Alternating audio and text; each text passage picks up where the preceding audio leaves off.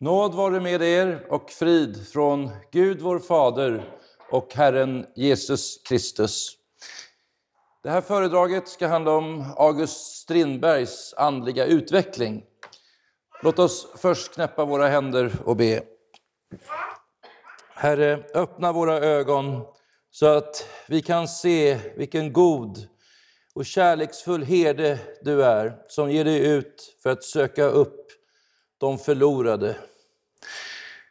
Vi ber att eh, detta blir stort och verkligt för oss den här kvällen. I Jesu namn, Amen. Bibeltrogna vänners eh, grundare och eh, andlige ledare under större delen av 1900-talet, Axel B. Svensson, sammanfattar August Strindbergs andliga utveckling på ett pregnant sätt i en uppsats som Svensson skrev 1919 som han kallar Två brev från, Strind, eh, två brev från Strindberg. Den finns publicerad, den här uppsatsen, i en bok som heter Berättelser ur livet. Han skriver så här om Strindberg. Ärlighet var för Strindberg ett utmärkande drag. Aldrig nedlät han sig till att propagera för något som han inte trodde själv. Så som hans tro, så växlar därför också innehållet i hans litterära produktion. Och aldrig ansåg han sig fullärd och mästare. Han förblev hela livet igenom den frågvise och kritiske lärjungen. Men han bytte ofta lärare. Först var det Gud. Jag har skrivit upp de olika faserna här i Strindbergs utveckling utifrån Axel B. Svenssons citatet här. Först var det Gud, men så lämnade han honom. Sen tjänade han förnuftet, vetenskapen. Därpå var han mystiker. En tid var han liksom herrelös. Då kände han sig rotlös och söndersliten. Men så vände han slutligen tillbaka, mindre och mera ödmjuk, till sin förste lärare, till Gud. Och hos honom förblev han in till livets slut. Först var det alltså Gud. Det finns i Strindbergs släkt en stark koppling till den väckelse som, som svepte fram eh, genom Sverige under 1800-talet, både inom och utom Svenska kyrkan. Strindbergs faster var nämligen gift med ingen mindre än Samuel Owen som kallats den svenska verkstadsindustrins fader och som blev känd bland annat för att ha tillverkat den första svenska ångbåten år 1816. Och sina inkomster, som dock aldrig blev så stora som man annars kunde ha trott eller förväntat sig att en så betydelsefull industrimans inkomster skulle vara. Eh, de använde han till att främja Guds rikes utbredande. Bland annat genom att anställa sin landsman, eh, Eh, eh, metodistpredikanten George Scott som själasörjare för de engelsktalande arbetarna som han hade anställda i Stockholm. Betlehemskyrkan, eller Engelska kapellet som den från början kallades, byggdes inte Hötorget och blev, tack så mycket, blev ett centrum för den lågkyrkliga väckelsen, inte bara i Stockholm utan i hela Sverige.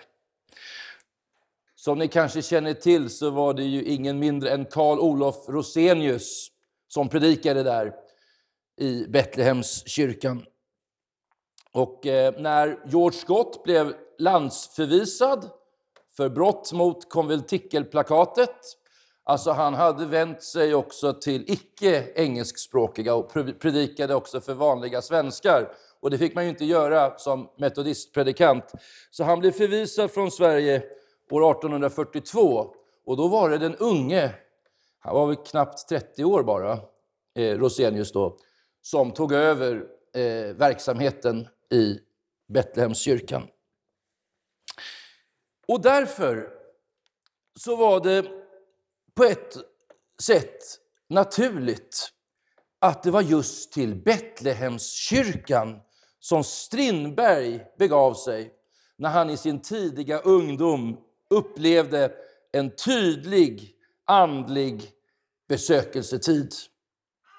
Det var väl också så med Strindberg att han ville gå till botten med saker och ting.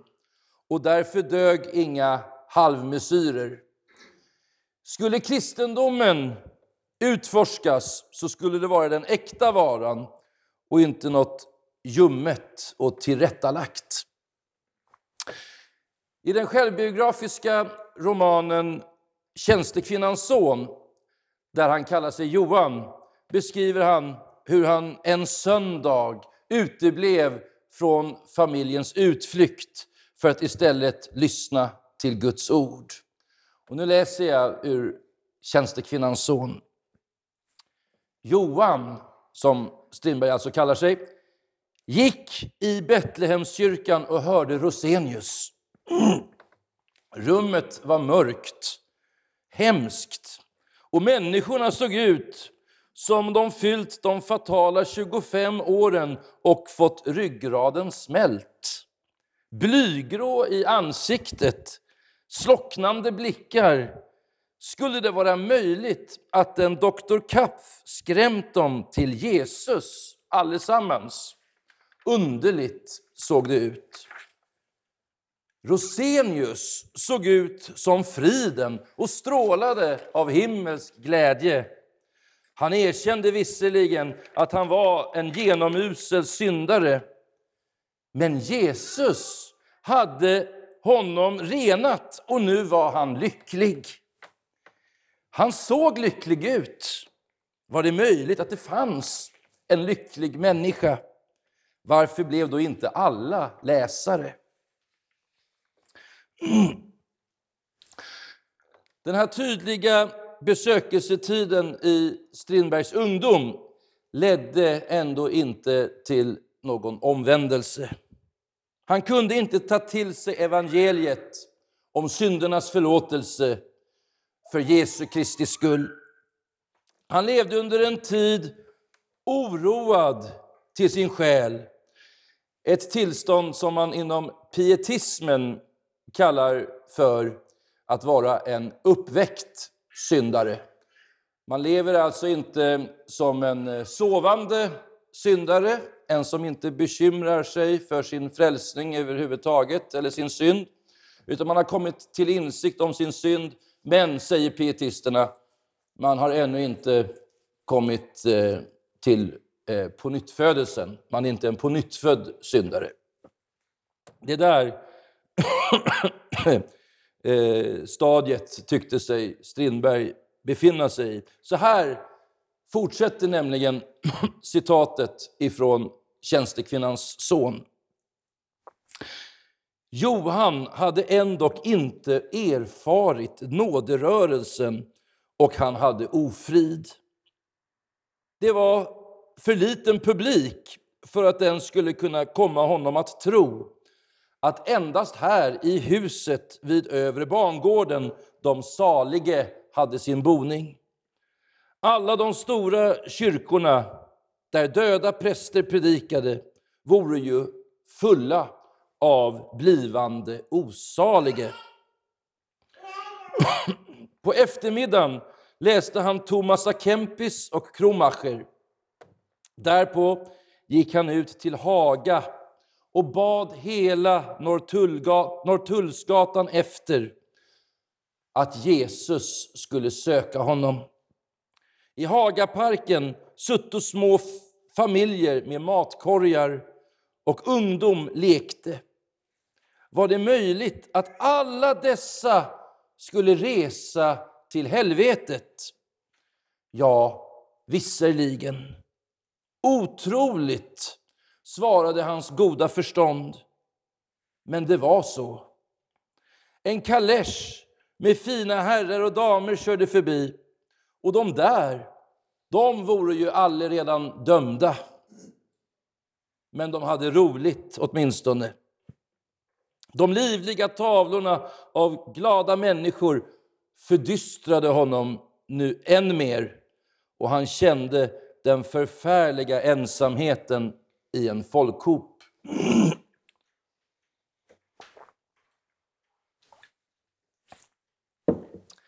Strindberg blev anfäktad och när frestelserna blev svåra så tvivlade han på allt sammans. Ett tag beskriver han sig som både läsare och tvivlare på samma gång.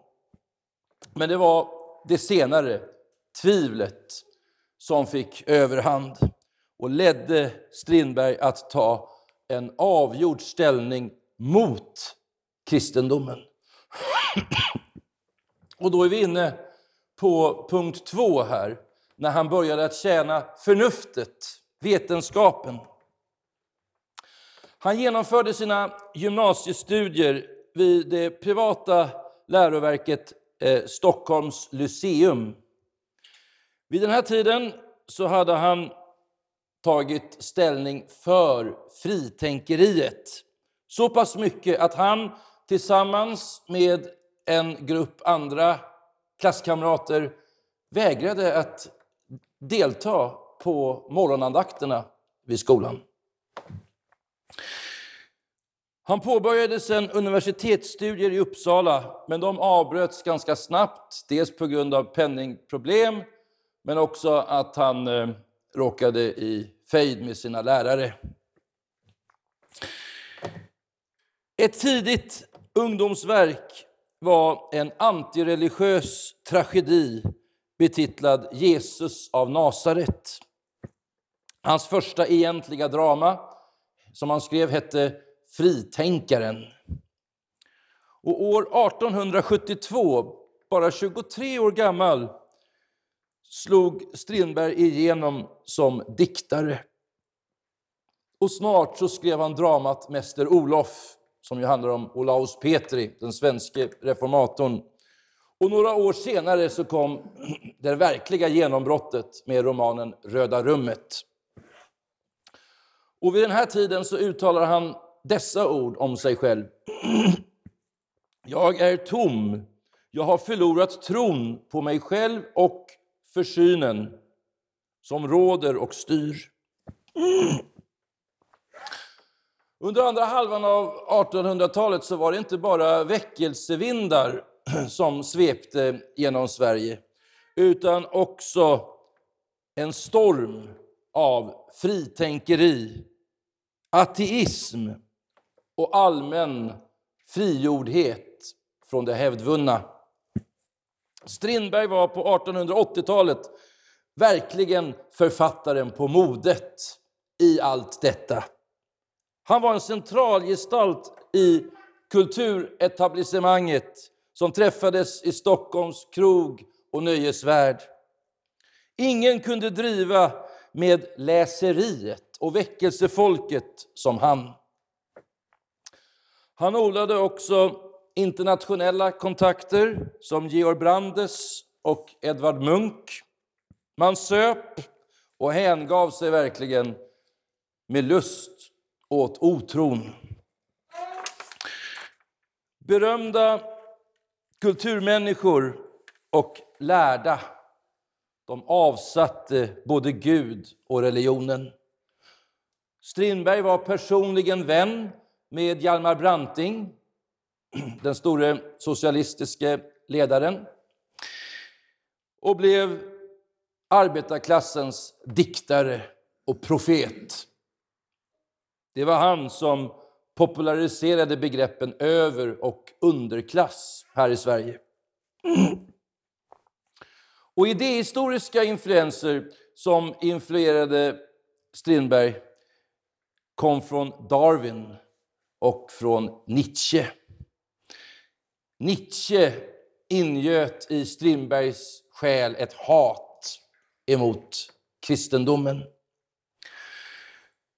Strindberg uttryckte sina tankar vid den här tiden så här.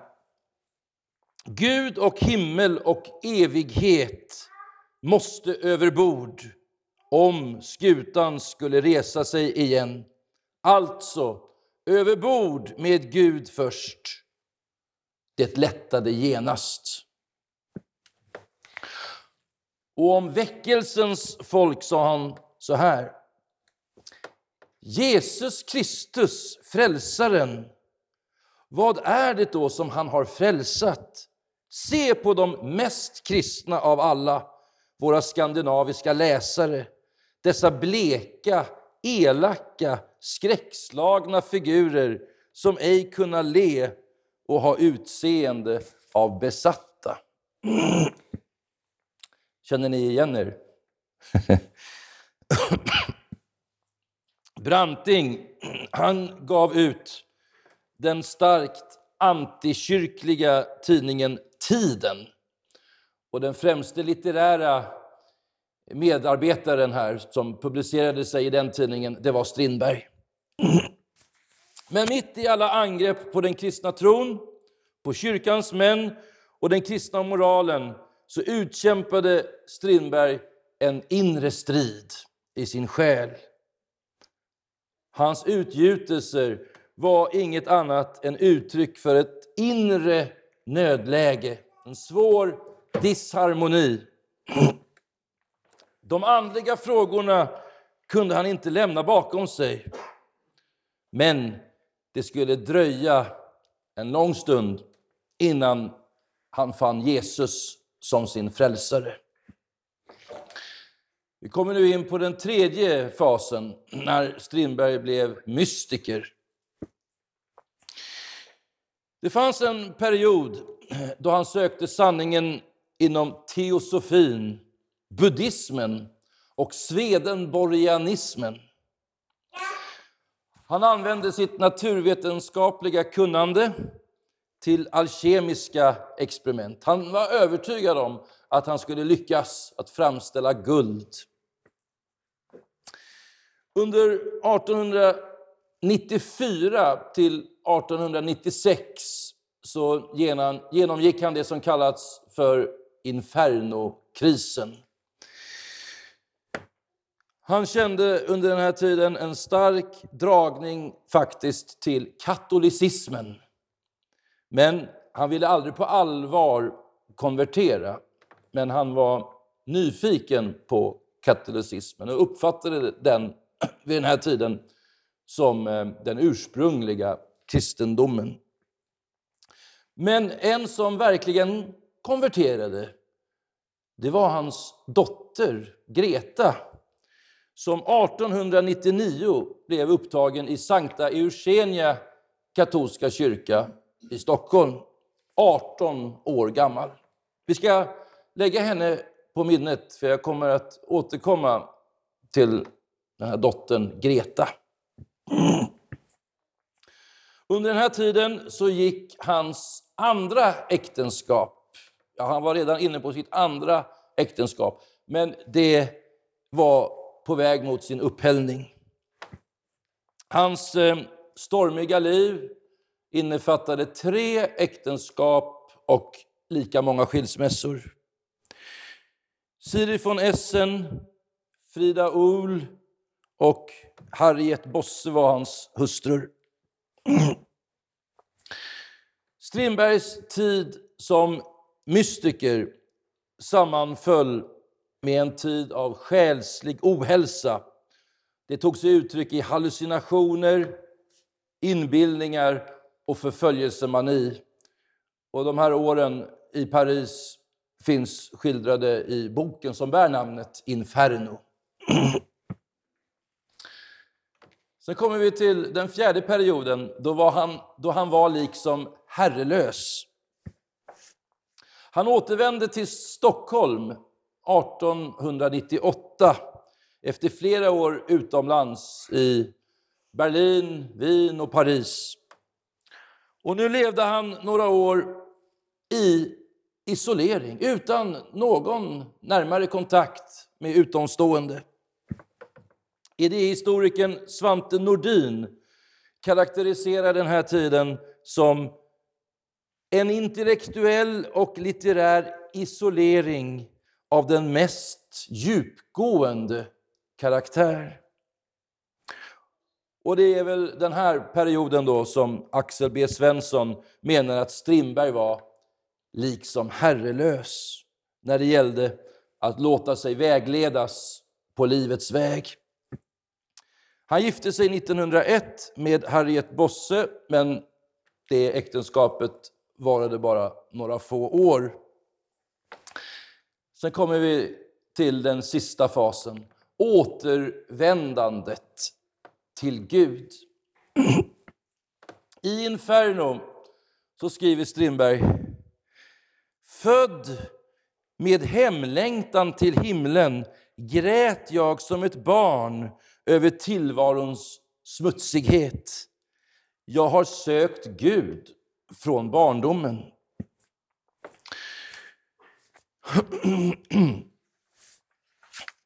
En tydlig vändning i Strindbergs syn på livet och tillvaron det märks i En blå bok som skrevs 1906-1907. Här tar han klart avstånd från gudsförnekelsen och bekänner sig tydligt tro på Gud. Och I den här boken så bryter han med sina tidigare otrosvänner. Men han har ännu inte kommit fram till en klar och tydlig bekännelse till Jesus som försonaren och hans själs frälsare. Som människosläktets ende frälsare. Vid den här tiden, alltså i slutet av Strindbergs liv, så predikade Axel B Svensson i Betlehemskyrkan. Alltså samma kyrka där Strindberg som barn, hade, eller som, ja, i yngre tonåren, hade gått och lyssnat på Rosenius. Strindberg syntes nu bland åhörarna igen. Svensson kände en stark nöd över Strindbergs själsliga läge. För Svensson hade i sin ungdom, före sin egen omvändelse, haft Strindberg som en stor eh, förebild. Och när han sen själv blev omvänd så hade Svensson bett i flera år för Strindbergs frälsning. Och nu när han såg Strindberg bland åhörarna så tänkte han att han borde göra någonting. Och så här skriver Strindberg i den där uppsatsen som jag nämnde från början med det här citatet om Strindbergs andliga utveckling. Han skriver så här i den uppsatsen. Ja, Axel B skriver så här i uppsatsen av eh, två brev från Strindberg. Just det. Efter läsningen av En blå bok vaknade hos mig den tanken att den store skalden som sagt farväl åt alla sina meningsfränder och nu stod alena må hända skulle känna det gott om någon kristen visade honom förtroende och sympati. Men det såg ej ut som om man gjorde det. Hans bekännelser vore inte nog klara för att de troende skulle våga hoppas att han var en avgjord kristen. De vore i sitt förhållande till Strindberg ungefär likadana som de första kristna vore emot Paulus strax efter hans omvändelse. De vore rädda för honom. Men i september 1907 så skrev Axel B Svensson ett brev till Strindberg. Och det blev inledningen till en kortare brevväxling mellan dem.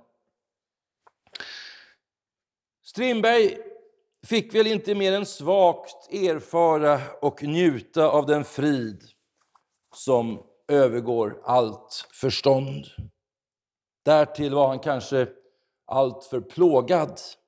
Han led ännu av skuldkänslor över sina kraschade äktenskap och kanske framför allt att han hade övergivit sina barn. Han led också av sina själsliga kamper och tidigare angrepp mot Gud och det heliga. Men Axel B. Svensson skriver ändå så här. Ja, Strindberg hade lidit och han led fortfarande. Men det var ej förgäves han bad om välsignelse. Den dag kom verkligen då han med Jakob kunde säga jag har sett Gud under ansiktet och min själ är frälst. Men därefter slapp han att länge vandra på stora landsvägen. Det var som att Herren velat taga den förlorade men återfunne sonen hem omedelbart. Och Svensson konkluderar. Ty, och det ska sägas med eftertryck, August Strindberg dog i tron på den Gud som han under sin ungdom och mannaålder hade gruvligen hädat. Vid Strindbergs dödsbädd, där jag faktiskt befann mig för några veckor sedan, hans sista lägenhet finns ju bevarad som museum, Blå tornet i Stockholm. Där ville han ha Bibeln på sitt nattduksbord och den Bibeln ligger där fortfarande. kan man se när man besöker hans sovrum där. De sista ord han yttrade det var till dottern Greta. Hon som hade konverterat till katolicismen. Han sa, jag har gjort upp mitt bokslut med detta livet. Nu finns intet personligt mer kvar. Och så höll han fram Bibeln som var utnött efter flitig läsning smekte dottern och sa Detta är det enda rätta, Greta. Kära Greta. Och det här blev för övrigt ett väldigt fint sista vittnesbörd från honom till dottern som faktiskt bara fem veckor senare avled i en tragisk tågolycka. Strindberg hade gett instruktionen att på sin grav skulle det sättas upp ett enkelt träkors med inskriptionen O crux ave spes unica. Alltså var hälsat eh, kors, mitt enda hopp. Och så skedde också. Svensson kommenterar. Och det kors som var August Strindbergs enda hopp, ja, det var vår Herre Jesu Kristi kors på Golgata. I tron på det blod som där utgöts insomnade han. Och i tron på detta blod var han viss om att vinna tillträde till den Högstes tron. Slut på det här föredraget. Låt oss be. Ja, Herre, vi tackar dig för din godhet och ditt tålamod med dina vilsegångna får. Tack att du har sökt upp oss. Först i det heliga dopet långt innan vi frågade efter dig. Och sen när vi har vandrat på våra vägar genom livet så har du alltid kommit och kallat på oss och till och med burit oss tillbaka på dina egna axlar. Vi tackar dig för det vittnesbörd som August Strindberg har lämnat efter sig. Låt det bli till inspiration för många framöver också. Vi överlämnar oss i dina händer med allt vad vi är och allt vad vi har. Amen.